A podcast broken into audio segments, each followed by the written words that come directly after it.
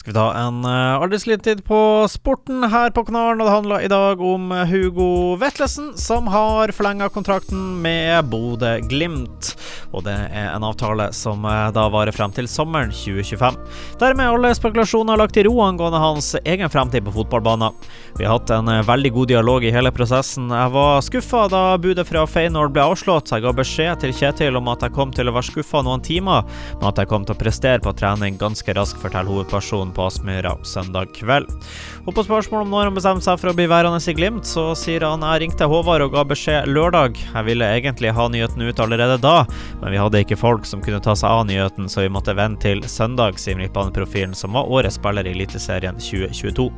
Budet fra Feyenoord kom på deadline day mens Glimt var på treningsleir i Spania. Med summa opp mot 65 millioner kroner var det mange som stussa over det kontante avslaget fra de helgule fra nederlenderne. Jeg vil skape en god historie sammen med Glimt. De har investert mye i meg og ønsker å gi tilbake til klubben. Jeg har lyst til å gjøre det sammen med klubben, ikke alene, slår Vetlesen fast.